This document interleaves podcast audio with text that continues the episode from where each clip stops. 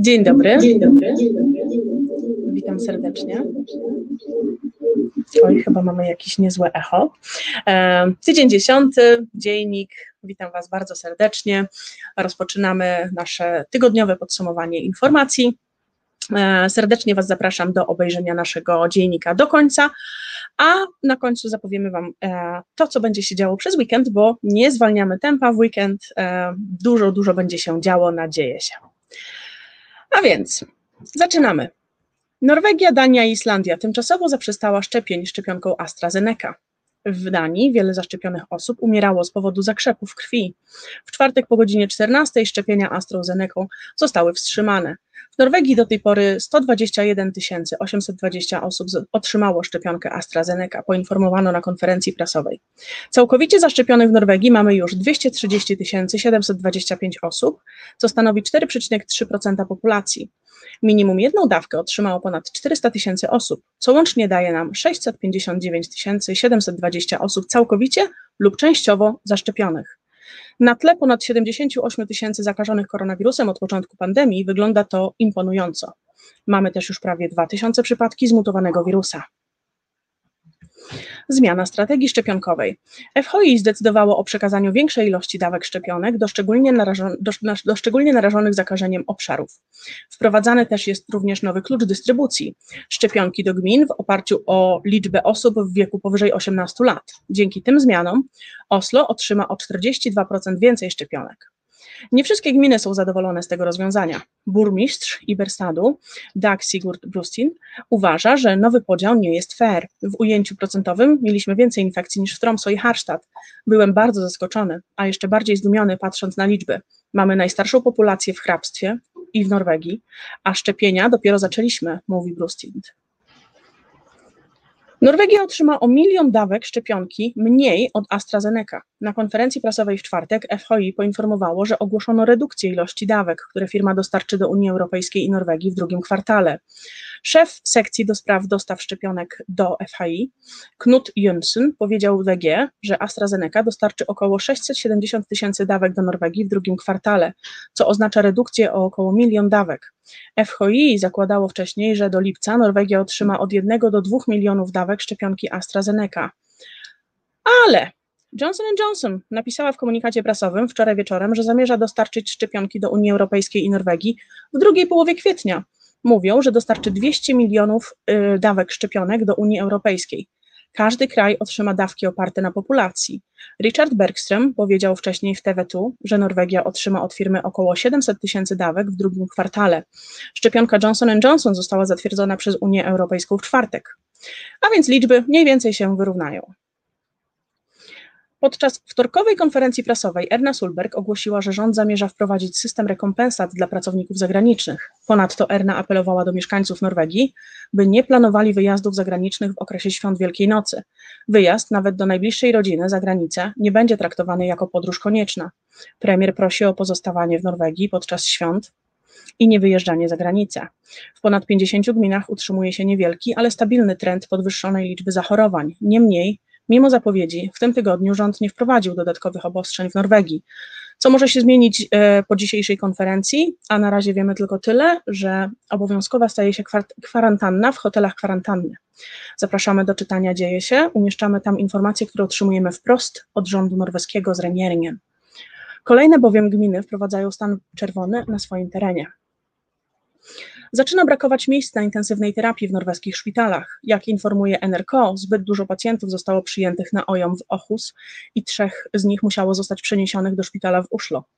Pacjenci na intensywnej terapii wymagają dużo więcej uwagi, a tym samym personelu. Lekarze i politycy obawiają się, że jeśli tendencja zachorowań będzie wzrastać, może zabraknąć miejsc w szpitalach. Walczymy z COVID-em, a tymczasem salmonella atakuje Norwegię. Do tej pory zarejestrowano 22 przypadki infekcji, 11 z nich mieszka w Viken, 3 w Oslo, 2 w głębi lądu i po jednym przypadku w Westfold, Telemark, Agder, Rogaland, Westland, Møre Romsdal i Norland. Według Norweskiego Urzędu do Spraw Bezpieczeństwa Żywności 10 przypadków trafiło do szpitala. Ogniska salmonelli są powiązane z wołowiną z Niemiec. Mięso jest wycofywane z rynku. Wybuch salmonelli w, ki w kilku Fylkes-komunach jest powiązany z partią wołowiny importowanej z Niemiec. Wycofuje się szereg produktów z siekanego i mielonego mięsa, hamburgerów oznaczonych jako Folkets, Meny, Spar i Kiwi. Wszystkie produkty są już po dacie przydatności, ale klienci nadal mogą je mieć w zamrażarce, podkreśla firma w komunikacie prasowym. Sprawdźcie, czy kupiliście taką wołowinę. Zmarł Hans Christian Gabrielsen, norweski lider związków zawodowych i polityk Partii Pracy. Był liderem związków od 2017 roku. Z głębokim smutkiem otrzymaliśmy dziś smutną wiadomość o Hansie Christianie. Myślę teraz o jego żonie, Trinie i córce Kamille, a także o jego najbliższej rodzinie. Straciłem dobrego przyjaciela, a Elo stracił wybitnego lidera, który miał przed sobą wiele lat pracy, mówi Peggy Hansen, Folsvik. Gabrielsen zmarł nagle, we śnie. Miał 53 lata. Sturting padł ofiarą ataku komputerowego. Poinformowano w komunikacie prasowym. Sturting potwierdza, że pewne dane zostały wykradzione, ale nie zna jeszcze zakresu ataku. Przewodniczący Sturtingu mówi, że ten atak wydaje się bardziej zaawansowany i wszechstronny niż atak ubiegłej jesieni. Atak na dane miał miejsce, ponieważ ktoś wykorzystał luki w systemie Microsoft Exchange. W systemach komputerowych wdrożono kilka środków zaradczych, a Sturting musiał przyznać, że dane zostały wykradzione. Zmapowaliśmy też norweskie firmy posiadające to oprogramowanie, aby dowiedzieć się, ile z nich jest narażonych na atak. Nadal niespełna 1 czwarta tych firm nie zainstalowała aktualizacji zabezpieczeń, więc dziury w nich nie są zabezpieczone, powiedział dyrektor Departamentu Bente Hoff w NSM dla NRK. Dziura w systemie bezpieczeństwa Microsoft Exchange ujawniona została 2 marca. Pół roku temu uzbrojona policja w Sien aresztowała mężczyznę po 60 i zabrała do więzienia wysokiego ryzyka w Östfold. Tuż przed Bożym Narodzeniem mężczyzna, ojciec czwórki dzieci, został poddany ekstradycji do Francji, gdzie został uwięziony i oskarżony o to, że stał za antysemickim zamachem terrorystycznym na żydowską restaurację w Paryżu w 1982 roku. W ataku zginęło 6 osób, a 22 odniosło obrażenia. Wczoraj odbyła się rozprawa w Pałacu Sprawiedliwości w Paryżu. Jego dwaj francuscy prawnicy twierdzili, że popełniono poważny błąd proceduralny. Aresztowany Norwego-Palestyńczyk nie zna francuskiego i jest uzależniony od tłumaczenia na język arabski. Tłumacz, który był obecny podczas pobytu, które e, mówią, że zatrzymany został poinformowany o, przesłuchaniu, o, o przysługujących mu prawach. Wczoraj sąd apelacyjny miał rozstrzygnąć, czy ma to znaczenie dla sprawy i czy nakaz aresztowania jest tym samym nieważny. Do końca mieliśmy nadzieję, że postępowanie zostanie odwołane, ale musimy poczekać kilka tygodni, mówi do NRK jeden z jego prawników, Roman Rytz. Francuski sąd ocenił wczoraj, czy w sprawie przeciwko norwesko-palestyńskiemu oskarżonemu o terroryzm popełniono błąd formalny. Dowody przeciwko niemu są bardzo słabe, ale nie otrzymaliśmy odpowiedzi, czy błąd proceduralny ma jakiekolwiek znaczenie, mówi jego francuski prawnik. A teraz troszkę o pieniążkach. Korona norweska osiągnęła swój szczytowy poziom od ponad roku. A to dziś wypada nam rocznica, odkąd żyjemy w stanie pandemii koronawirusa. Analitycy uważają, że zbliżające się posiedzenie w sprawie stóp procentowych, rosnące ceny ropy i pozytywne rynki akcji pomogły wzmocnić koronę norweską w ciągu ostatniego tygodnia. Ropa już oswaja się ze swoją ceną 70 dolarów za baryłkę, a bank centralny przedstawi swoją decyzję w sprawie stóp procentowych w czwartek w przyszłym tygodniu wraz z nowym raportem polityki pieniężnej z ostatnimi szacunkami. Czekamy na wzrosty. Krajowy Organ Bezpieczeństwa poinformował firmę, firmę Rolls-Royce, że rząd Norwegii rozważa zablokowanie sprzedaży Bergen Engines. Mówiliśmy o tym w dzienniku tydzień temu. To ta fabryka, która zbudowała ściśle tajny statek szpiegowski MFS Mariata jeden z najbardziej tajnych statków marynarki wojennej. Minister Sprawiedliwości mówi, że rząd dokładnie zbadał sprawę i nie można wykluczyć, że sprzedaż Bergen Engines firmie TMH Group może zagrażać interesom bezpieczeństwa narodowego. Meland mówi NRK, że jest to poważna sprawa, nad którą kilka ministerstw pracuje od dłuższego czasu. Jeśli rosyjska firma TMH International uzyska zgodę na zakup Bergen Engines, siły zbrojne będą zmuszone odstąpić od umowy z firmą, ostrzega szef obrony Eirik Christoffersen. Minister Sprawiedliwości ogłosiła, że rząd rozważy skorzystanie z ustawy o bezpieczeństwie narodowym w celu zatrzymania transakcji. Producent silników wysokoprężnych Bergen Engines dostarcza części m.in. do norweskich sił zbrojnych, ale i do innych krajów NATO. Jeśli firma, która zaopatruje siły zbrojne, zostanie sprzedana graczowi, Rosji, z którym nie możemy współpracować w zakresie bezpieczeństwa, takie wojskowe określenie wroga, to musimy poszukać nowych dostawców. To proste, nie będziemy mogli kontynuować współpracy, mówi szef obrony. Po polsku nazywa się to sabotaż. A teraz troszeczkę bardziej przyziemne tematy.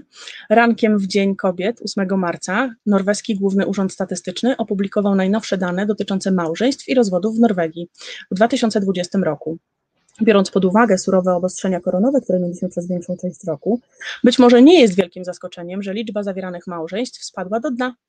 W ubiegłym roku zawarto zaledwie 16 151 małżeństw, czyli o 3704 mniej niż w 2019 roku. Ostatnim razem, gdy w ciągu roku było tak mało małżeństw, w kraju mieszkało 2 771 tysięcy osób, czyli nieco ponad połowa populacji, jaką mamy w 2020 roku, mówi Anne Margrethe Tomeros z Norweskiego Urzędu Statystycznego. Liczba separacji i rozwodów była bardziej stabilna, ale także zmniejszyła się w 2020 roku. W ubiegłym roku było 9355 rozwodów i 10115 separacji, w porównaniu z 9609 rozwodami i 10 422 separacjami w 2019 roku. Ten elektryczny samolot firmy, firmy Rolls-Royce może wzbić się w powietrze w Norwegii już za 5 lat. Widerøe uważa, że już w 2026 roku pierwszy w pełni elektryczny samolot, pierwszy na świecie, będzie mógł obsługiwać trasy krótkodystansowe. Rolls-Royce i włoska firma Tecnam przedstawili plany w pełni elektrycznego dziewięciomiejscowego samolotu pas pasażerskiego, Stein Nielsen mówił do Enerco, że Widerøe jest w kontakcie z kilkoma producentami samolotów wykorzystujących nową technologię, w tym firmą, która już w tej chwili testuje latające samoloty z sześcioma siedzeniami zasilanymi wodorem i ogniwami paliwowymi. Nie ma wątpliwości, że Nielsen wierzy w bardziej zrównoważone lotnictwo w przyszłości. Ale ile to będzie kosztować?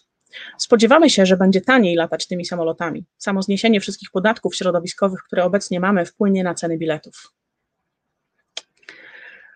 Podłączyli wikingów do światłowodu. W środku Ronwika, w jednej z najpopularniejszych dzielnic mieszkalnych w Budę, znajduje się bardzo ważny zabytek kultury. Stary kurhan z, z wczesnej epoki żelaza. W 1957 roku duński archeolog Paul Simonsen opisał kopiec grobowy jako absolutnie największy i najlepiej zachowany nagrobek z epoki żelaza z zewnętrznej części Salt. Dziś kopiec grobowy jest jedny, jedynym zachowanym pomnikiem grobowym z tego okresu w mieście Budę.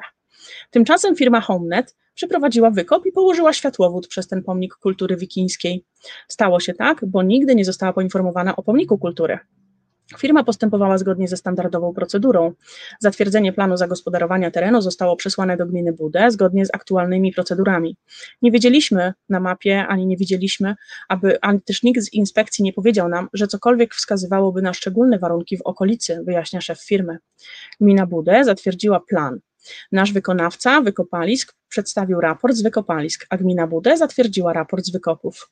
Teraz wszyscy się zastanawiają, czy należy usunąć kabel? Niech podłączą mnie do światłowodu. En begravelse i branngrav foregikk ved at den avdøde først ble kremert på et bål. Restene etter bålet kalles et brannlag eller brannflak, og inneholder ofte brente bein og rester etter gravgaver. A następnie Over stedet hvor kremasjonen hadde foregått, ble det noen ganger bygd en jordkappe eller en gravrøys, som fremdeles kan ses som forhøyninger i landskapet. I tak mogło to wyglądać. Dlatego pewnie tego nie zauważyli. Bardzo słabe wyniki połowów dorsza w tym roku. 7 marca 2020 roku na Lofotach złowiono 16,5 ton, 16,5 16 500 ton dorsza.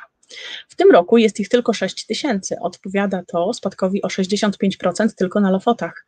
I to w najbardziej gorącym okresie tradycyjnego zimowego wędkowania.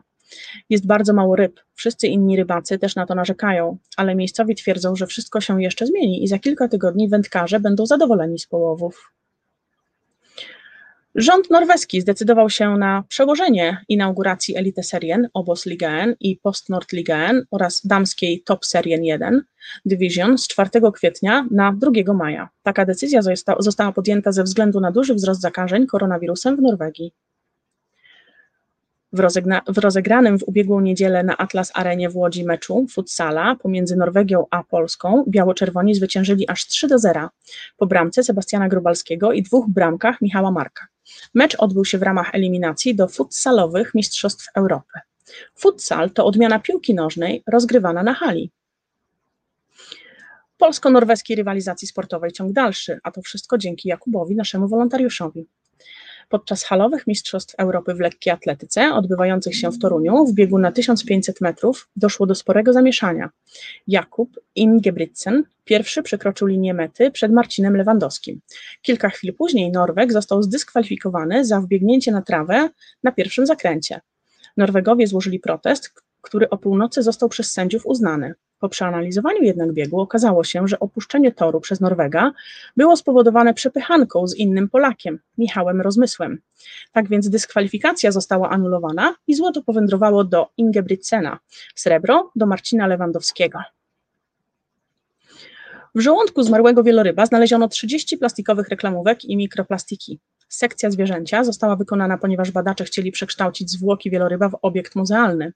Zanieczyszczenie mórz to coraz większy problem, a według raportu Światowego Forum Ekonomicznego w roku 2050 naukowcy spodziewają się znaleźć w oceanie więcej plastiku niż ryb. Zgodnie z programem ochrony środowiska ONZ, ponad 8 milionów ton odpadów z tworzyw sztucznych trafia co roku do oceanów na całym świecie. Przyjmuje się, że około 80% pochodzi z działalności i przemysłu na lądzie. Wspomniany wieloryb w tym momencie jest w Muzeum Uniwersyteckim w Bergen, gdzie będzie częścią wyjątkowej kolekcji muzealnej. Wiało ostatnio, wiało u nas, wiało u was, a gdzie niegdzie też padało.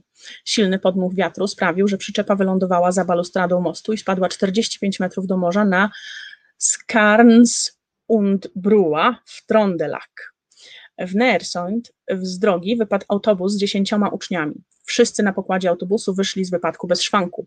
Również w Melchus wiatr wiał y, i zdmuchnął autobus z E6. Na pokładzie był tylko jeden kierowca, który wyszedł z niego bez szwanku. E, ta przyczepa wisi prawdopodobnie jeszcze do dzisiaj na wysokości około 50 metrów w poprzek cieśniny. Na stacji pomiarowej Storhornet w Trollheim e, mierzono podmuch wiatru i okazało się, że wieje on z prędkością 52 metrów na sekundę. To jeden z najsilniejszych podmuchów wiatru w historii i prawdopodobnie najsilniejszy podmuch wiatru zmierzony od czasu huraganu noworocznego w 1992 roku. Wtedy na latarni morskiej Halten mierzono podmuch wiatru o prędkości 55 metrów na sekundę. W środę wydano żółte ostrzeżenie przed porywami wiatru na dużej części południowej Norwegii. W Romsdalen dwie ciężarówki zostały wyrzucone z drogi na E136. Kiedy Torfin Govasli miał uratować autobus, który wypadł z drogi, jego samego spotkał ten sam los. Ustanie na nogach okazało się niemożliwe. Ostrzeżenie przed wiatrem występuje w zachodniej Norwegii, w Mörem Romsdal, Trondelag i północnej Norwegii. We wschodniej Norwegii mamy żółty alarm opadów śniegu dla Inland a pomarańczowy dla Oslo. Askerhus, Buskerud oraz Westfold i Telemark, mówi stanowy meteorolog Islin Sierwagen. W nocy spodziewano się do pół metra śniegu w Oslo, a powyżej pół metra w górach i na południu. Łańcuchy wydają się więc obowiązkowe w najbliższych dniach.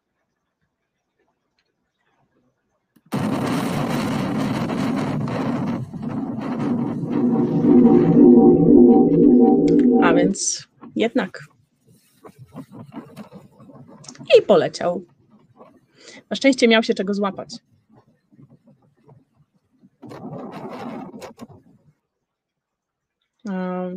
Dziadek nie poznał swojego wnuka i odebrał z przedszkola jego kolegę. Chłopca szukało 50 policjantów. Do fatalnej pomyłki doszło w jednym z przedszkoli w Lubartowie, w województwie lubelskim. 80-letni mężczyzna odebrał czterolatka, sądząc, że to jego wnuk. Zabrał go do domu, nakarmił, włączył bajkę. Gdy zorientował się, że się pomylił, do drzwi zapukała policja. Dyrekcja powiadomiła mundurowych o zaginięciu około 14.40. Dziecko znalazło się około 15.50. Mama dziecka ma nadzieję, że nikt nie poniesie konsekwencji. Nie widzę tu niczyjej winy doszło zwyczajnie do pomyłki. Dyrekcja zachowała się wzorowo. Dziękuję również przedszkolance, która zapamiętała tak dużo szczegółów i wskazała, kto odebrał mojego syna. Jestem też pełna podziwu w stosunku do policji. Reakcja była błyskawiczna, a zaangażowanie ogromne, mówi mama zaginionego chłopca. Więcej o sprawie przeczytacie, nadzieję się, NO. Dziś nadzieje się o 17 sportowy live dla mężczyzn. Adrian porozmawia z Łukaszem Jarosińskim, polskim bramkarzem grającym w norweskiej lidze. Jutro porozmawiam z Szymonem Szynkiewiczem, polskim zawodnikiem MMA w Norwegii. Dowiemy się, czym jest Ragnarok. W niedzielę Paulina Wędzikowska w cyklu Skandynawskie Dzieciństwo opowie o przedszkolach w Norwegii. I nie tylko. A ja Was serdecznie zapraszam do udostępnienia tego dziennika, polajkowania, bo to dzięki lajkom wiemy, że warto robić to, co robimy. Bez Was nie ma sensu tego robić. Więc bardzo Wam dziękuję za dzisiejszą uwagę. Życzę wspaniałego weekendu po trudnym tygodniu i zapraszam za tydzień.